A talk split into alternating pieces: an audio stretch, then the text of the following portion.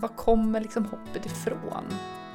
Är det någonting vi bara är givna, födda med? Eller så att vissa besitter det starkare än andra? Handlar det om erfarenheter eller?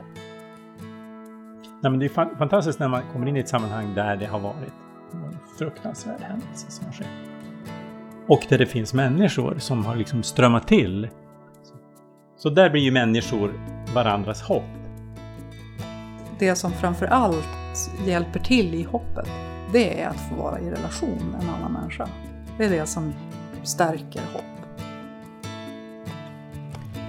Hej! Du lyssnar på Angeläget, en samtalspodd från Svenska kyrkan i Umeå med Lena Fageus och gäster. Idag är ämnet hopp. Då vill jag hälsa er välkomna till den här, det här poddavsnittet. Du som lyssnar, men också mina gäster. Och med mig här i rummet så har jag Elin Brådhall, diakon. Och Lars-Martin Nygren, präst. Och själv heter jag Lena Fageus och alla tre arbetar vi i Svenska kyrkan i Umeå. Vi brukar börja de här avsnitten eller de här sam samtalen med att tända ett ljus. Det gör vi ju hela tiden i kyrkan också, också i detta rum och i detta samtal. Det där ljuset är som en påminnelse om vår egen närvaro här och nu i samtalet men också en närvaro som är bortom oss. Guds närvaro, så vill jag tänka. Temat för idag det är hopp. Ganska ofta så har vi uttryck sådär som vi brukar använda om hoppet. Hoppet är det sista som dör till exempel, eller så länge det finns liv så finns det hopp. Vi har kanske ännu fler ordstäv som vi använder. Har ni några fler? Mm, det där var ju de optimistiska. Jag har ju hört den som lever av hoppet kommer dö av svält. Om vi ska vara med Båda sidor. Precis. Mm. Ja, men det finns något med det också. Vi pratar ju om hopp som någonting oerhört kraftfullt och positivt. Men man kan ju också tänka att, eh, att det faktiskt kan göra att man inte gör någonting åt sin situation. Man bara hoppas på att det ska ändra sig av sig självt. Mm. Eh, men om vi ska börja i den där änden, vad är, vad är egentligen hopp? Och vad gör det med oss? Vad har ni för erfarenheter i era egna liv eller i mötet med andra? Vad bär ni med er in i det här samtalet? Ja, för mig så, så är hoppet har ju så, så, så flera nivåer, eller mm. har flera nivåer. Mm. Hur då? Ja men till exempel kan ju ligga på ett helt mellanmänskligt plan. Alltså om vi nu ska prata om människor emellan så här. Mm. Eh, ja, om jag, om jag tar utifrån ett arbetsperspektiv så, så att mina kollegor som jag jobbar tillsammans med eller ideella, de gör det vi har bestämt. För det mesta så är det ett uttryck för hopp. Jag vet ju att det kommer att hända, jag behöver inte vara orolig. Mm. Eh, och jag behöver liksom inte kolla upp exakt vad de ska hålla på med utan ja, men har vi bestämt så blir det ju någonting av det. Och det, det är ju någon slags... En variant av hopp, tänker Ja, jag. naturligtvis. Ja. Eh, eller Karin som jag är gift med, som jag ja. lever med. Eh, hoppet är att vi, ja, men vi möts på eftermiddagen och vi äter våran middag. Ja. Det, liksom, det pågår ju på något vis. Det är ju inte liksom så här att jag måste vara orolig varje dag. Nej, hon kommer nog inte tillbaks. Mm. Eller så att det är väl också ett uttryck för att ja, men det fungerar, det pågår någonting. Det är inte något som jag behöver uppamma själv utan det finns där. Mm. Så det är liksom en nivå, alltså en relationsnivå. Men sen så finns det ju andra nivåer liksom på hopp också. Det här med jorden snurrar runt jordaxeln hela tiden. Eh, månen eh, rör sig runt jorden, jorden i sin bana eh, jorden snurrar runt solen etc. etc. Alltså det pågår någonting. Jag, jag behöver liksom inte tänka att blir det verkligen sommar mm. Det här året? Det kunde man ju för sig tänka i våras, i alla fall jag. Det skulle man kunna tänka sig. Det finns många gånger man tvivlar över det här men, men, men rent generellt så kan man tänka sig att det är inte så att det, det liksom bara uteblir utan det är också en del av det här det system som vi lever i som är större än oss själva. När det gäller ja. planeter, universum, naturen. Mm. Det är också ett uttryck för ja. hopp, tänker jag. Intressant. Elin, vad säger du? Mm. Och när vi lever och har det gott så sätter väl vi vårt hopp i att det, det är så det ska vara, tänker mm. jag. Och man möter ju, men jag möter människor, eh, framförallt kanske i mitt yrkesliv, som har ryckts, det har ryckts ifrån dem det som togs för givet. Alltså den där uh, maken som man alltid ska komma hem till, som dör plötsligt eller man har flytt till vårt land i eh, hopp om eh, att liksom äntligen kunna få erbjuda sina barn trygghet och frihet. Och så blev det inte så. Sverige säger nej. Eller att möta människor där det liksom har ryckts ifrån. Eh, och ändå tänker jag är det otroligt vad sällan jag skulle säga att jag har mött hopplöshet. Jag tänker det är ändå ett ord vi använder ganska ofta, hopplöshet. Ja. Men jag skulle säga att det är väldigt sällan jag på riktigt skulle säga att jag har mött hopplöshet. Men alltså jag tycker det är intressant det där när du pratar, ja men framförallt så blir jag fascinerad över de där som gör den där gigantiska resan av att lämna sitt land, sin fly från svårigheter eller krig eller, och så kommer de hit och så får de inte stanna eller i alla fall blir det en massa vad man nu ska kalla det, med någon strul innan man mm. får till det. Mm. Alltså, och, du, och du beskriver det som att ja, men jag har inte mött hopplöshet hos dem utan att de är så fulla av hopp. Mm. Hur går det till? Vad är det? Ja, vad är det?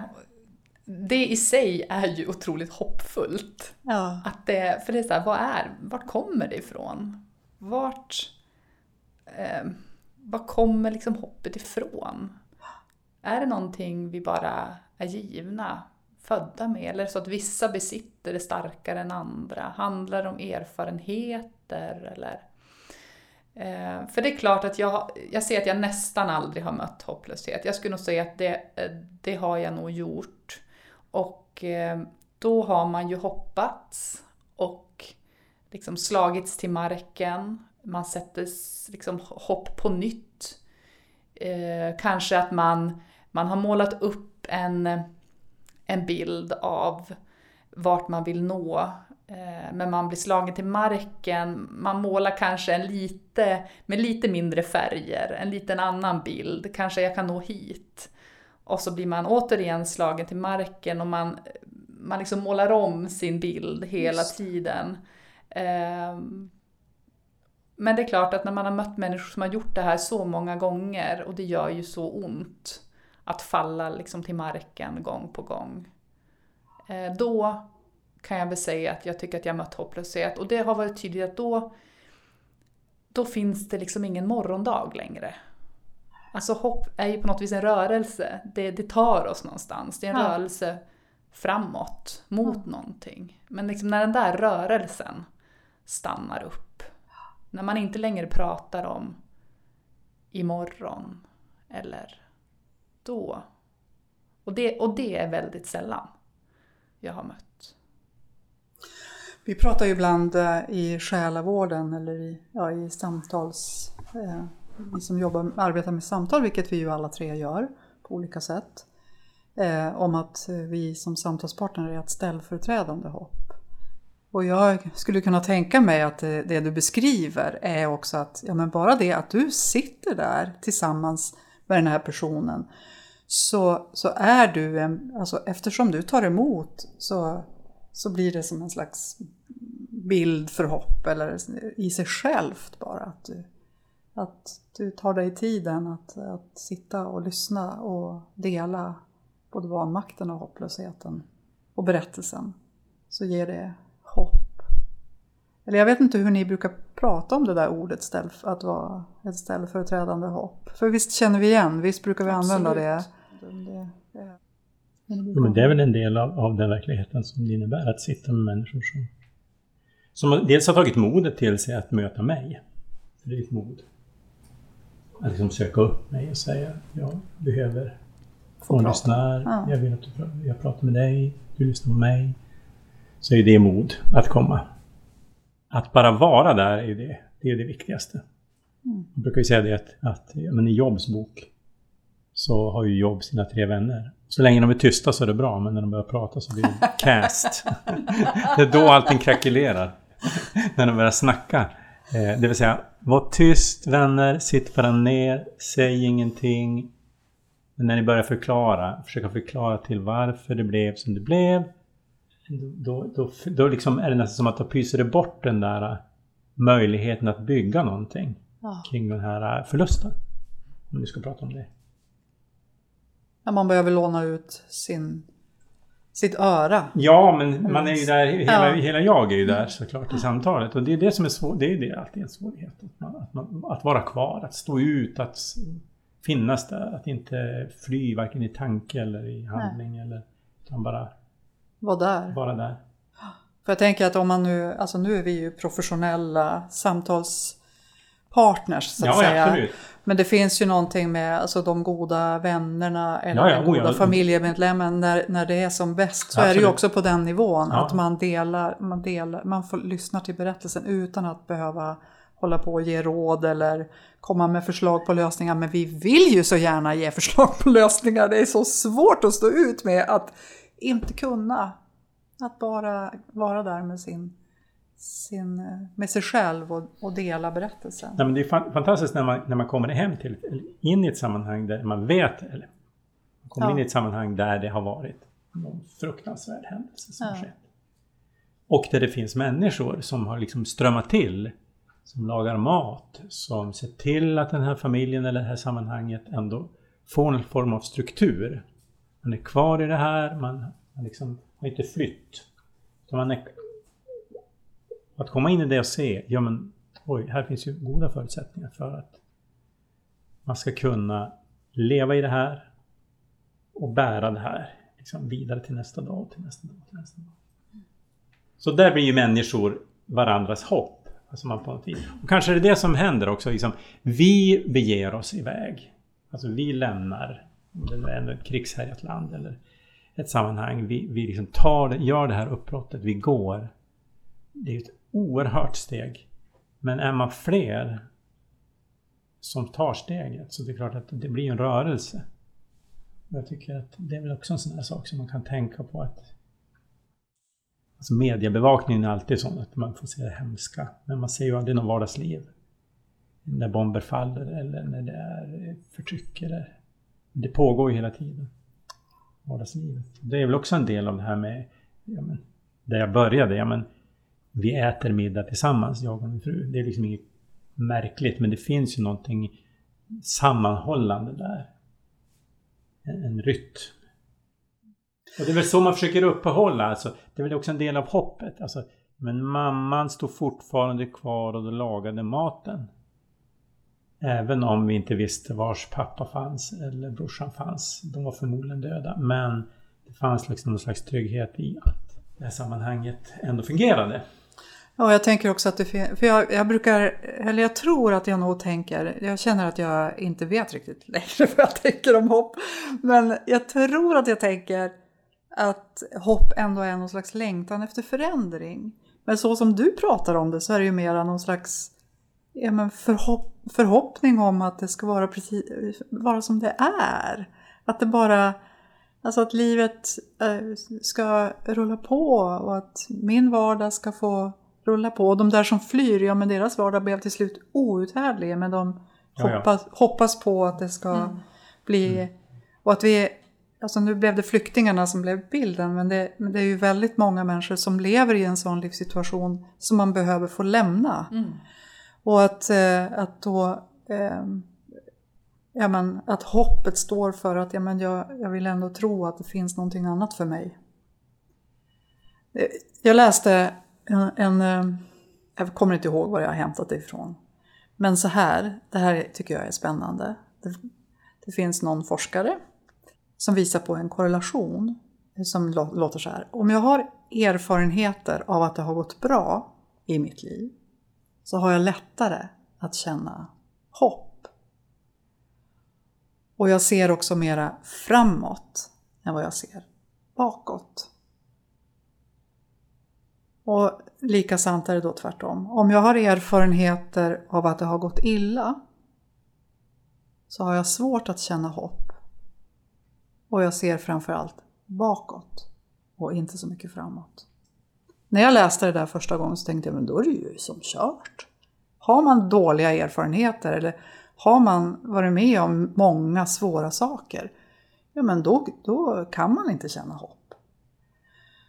Men det, som, men, det, men det finns en tredje punkt och det är att när vi målar en bild som vi, en dröm eller en, det vi längtar till, om vi målar den och målar den detaljerat och gärna med hjälp av någon annan, alltså att man tillsammans målar bilden av sin dröm, så blir det, och det här är ju nästan som, ja vad ska jag säga, det låter inte riktigt klokt, men så, så säger de att det är. Men om man gör det, då blir det som minnesspår i min hjärna. Som om jag har varit med om detta, den goda erfarenheten. Så att jag kan liksom förändra min framtid genom att måla drömmar. Eller jag kan förändra min historia genom att måla drömmarna. Mm. Jag tycker det är otroligt spännande det här. Men, det är också, men jag tänker också att det finns någonting av det där som sitter ihop med bönen som vi ägnar oss åt i kyrkan. Alltså, vad gör vi när vi ber? Ja, men förstås så handlar det ju om att vi är i relation, någon slags relation till Gud och att det är mm. basen. Men det har vi också konstaterat ehm, att det som framför allt hjälper till i hoppet, det är att få vara i relation med en annan människa. Det är det som stärker hopp. Och då blir det också någonting som stärker hopp bara att vara i relation med Gud. Men, det är, men jag tänker också att bönen i sig är någon slags, ja, men ganska ofta i alla fall så ber vi om helande eller om att, bli, att eh, situationen ska förändras eller att jag ska nå fram eller vad det nu handlar om. Och att det faktiskt kan, om jag, om jag, eh, om jag ber med ord och kanske tillsammans med andra så kan det också ha samma funktion som den där, alltså som verkligen förändrar, som förändrar mig i djupet. Jag vet inte hur ni reagerar på det här som jag säger, men... Nej, men jag tänker att, att det, man säger, det finns ett talesätt att det är aldrig för sent att få en lycklig barndom. Mm. Det vill säga, jag kan, fara, jag kan gå tillbaks, eller jag tänker i, i vår tro så handlar det om att Jesus vill ta mig tillbaks till de där platserna som jag liksom har lämnat och stängt igen. Eh, alltså, hela det här med den tomma graven, Jesus uppstånden, han vill ta mig in. Vi har våra gravar, vi har stängt igen, vi har satt försil. Men Jesus Du menar har... grav i någon slags metaforisk Metafor, betydelse? Ja, ja metaforisk. Inte, inte en, jag tänker inte en riktig. Ja. eh, nej, men så vill Jesus leda oss in i de där stängda vrårna som vi har stängt ja. igen. Eh, som har med min historia att göra, som har med svåra upplevelser att göra. Som jag på något sätt kanske till och med glömt bort. Och det där att han vandrar med oss och det är väl det som är en del av relationen och bönen att han tar mig vid handen, går och kom, vi går åt oss er. Och tar mig in i de här svåraste platserna. Och jag kan då få uppleva att, ja men, han har också varit där. Mm. Alltså, det är inte så att det är tomt, utan han är där. Mm. Alltså, alltså det, det, det, finns något oerhört befriande i det. Men att våga bege sig på den vandringen är ju ett oerhört det är ett jättestort steg. Men vågar jag då att, ja men okej, led mig. Så kommer ju bönen att få den här funktionen att jag jag blir, ja, lärjungarna, han säger följ mig, var ska de följa honom då? Jo men det kanske är just till de där platserna där jag inte alls vill, jag vill inte beträda de här platserna därför att de är förenade med så mycket smärta, svårigheter, uppgivenhet, mm, misslyckanden, allting. Och så säger han, nej men kom nu. Och så öppnar vi dörren och så går vi in och så ser vi.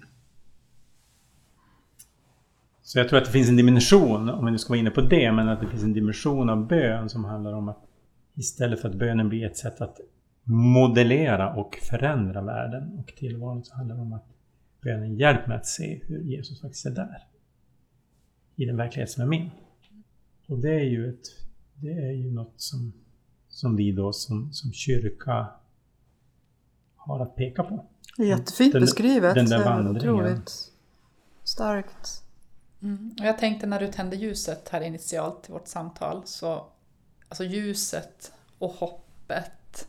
Jag tänker när vi är alla våra gravar då, som Mm, vi ja. säger, som vi bär, om vi säger istället för ryggsäcken, så gravarna som är sådär mörka. Jag tänker när man, när jag möter en människa, eller när jag själv är i ett mörker som kan kännas liksom ogenomträngligt, jag är bara omgiven av mörker. Och då tänker jag här med vikten av relation. En människa, en medmänniska som kliver in med mig i mörkret och som bär ljuset. Som bär hoppet med sig in i mötet. Jag tänker det här beställföreträdande hopp. Att möta en medmänniska i mörker med ett litet, litet ljus. Och så vet vi vad gör ett litet ljus i ett mörkt rum. Jo men helt plötsligt så ser vi konturer, vi ser varandra. Vi, eh, och jag tänker det är väl det också det här med när, när Jesus vandrar med oss. Eh, även, vi vet att vi kommer möta det här mörkret, vi kommer att, de här gravarna finns. Mm. Men det finns det här ljuset på vägen. Och det skulle ju kunna vara hoppet, tänker jag. Det lilla ljuset som ändå sprider, som gör det här mörkret uthärdligt, som tar oss igenom det. Att vi återvänder till relationen, relationen till en annan människa eller Ja, till precis. Gud. Ja. Det är det, Och det, är det ena- som på något ena sätt... utesluter ju inte det andra på ett vis. Nej. Någonstans är det så att vi är ju...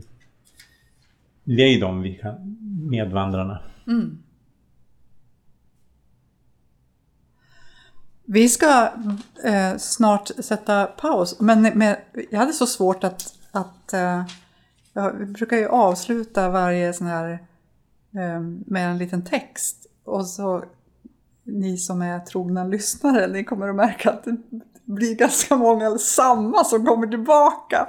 Jag ska, börja, jag ska försöka förnya mig. Men när du pratade sådär om ljuset så, så kommer Erik Blombergs text till mig. Och jag tänker läsa den som avslutning på den här delen av vårt samtal. I psalmboken så har det nummer 797. Var inte rädd för mörkret, ty ljuset vilar där. Vi ser ju inga stjärnor där intet mörker är. I ljusa irisringen du bär en mörk pupill, ty mörkt är allt som ljuset med bävan längtar till. Var inte rädd för mörkret, ty ljuset vilar där. Var inte rädd för mörkret, som ljusets hjärta bär. Tack för nu. Tack. Du har hört Angeläget, en podd med Lena Fageus och gäster. Podden är producerad av Svenska kyrkan i Umeå. Vill du fortsätta samtalet når du oss på Svenska kyrkan i Umeås Facebook eller via e-post till umia.kommunikation svenskakyrkan.se. Tack för att du lyssnade.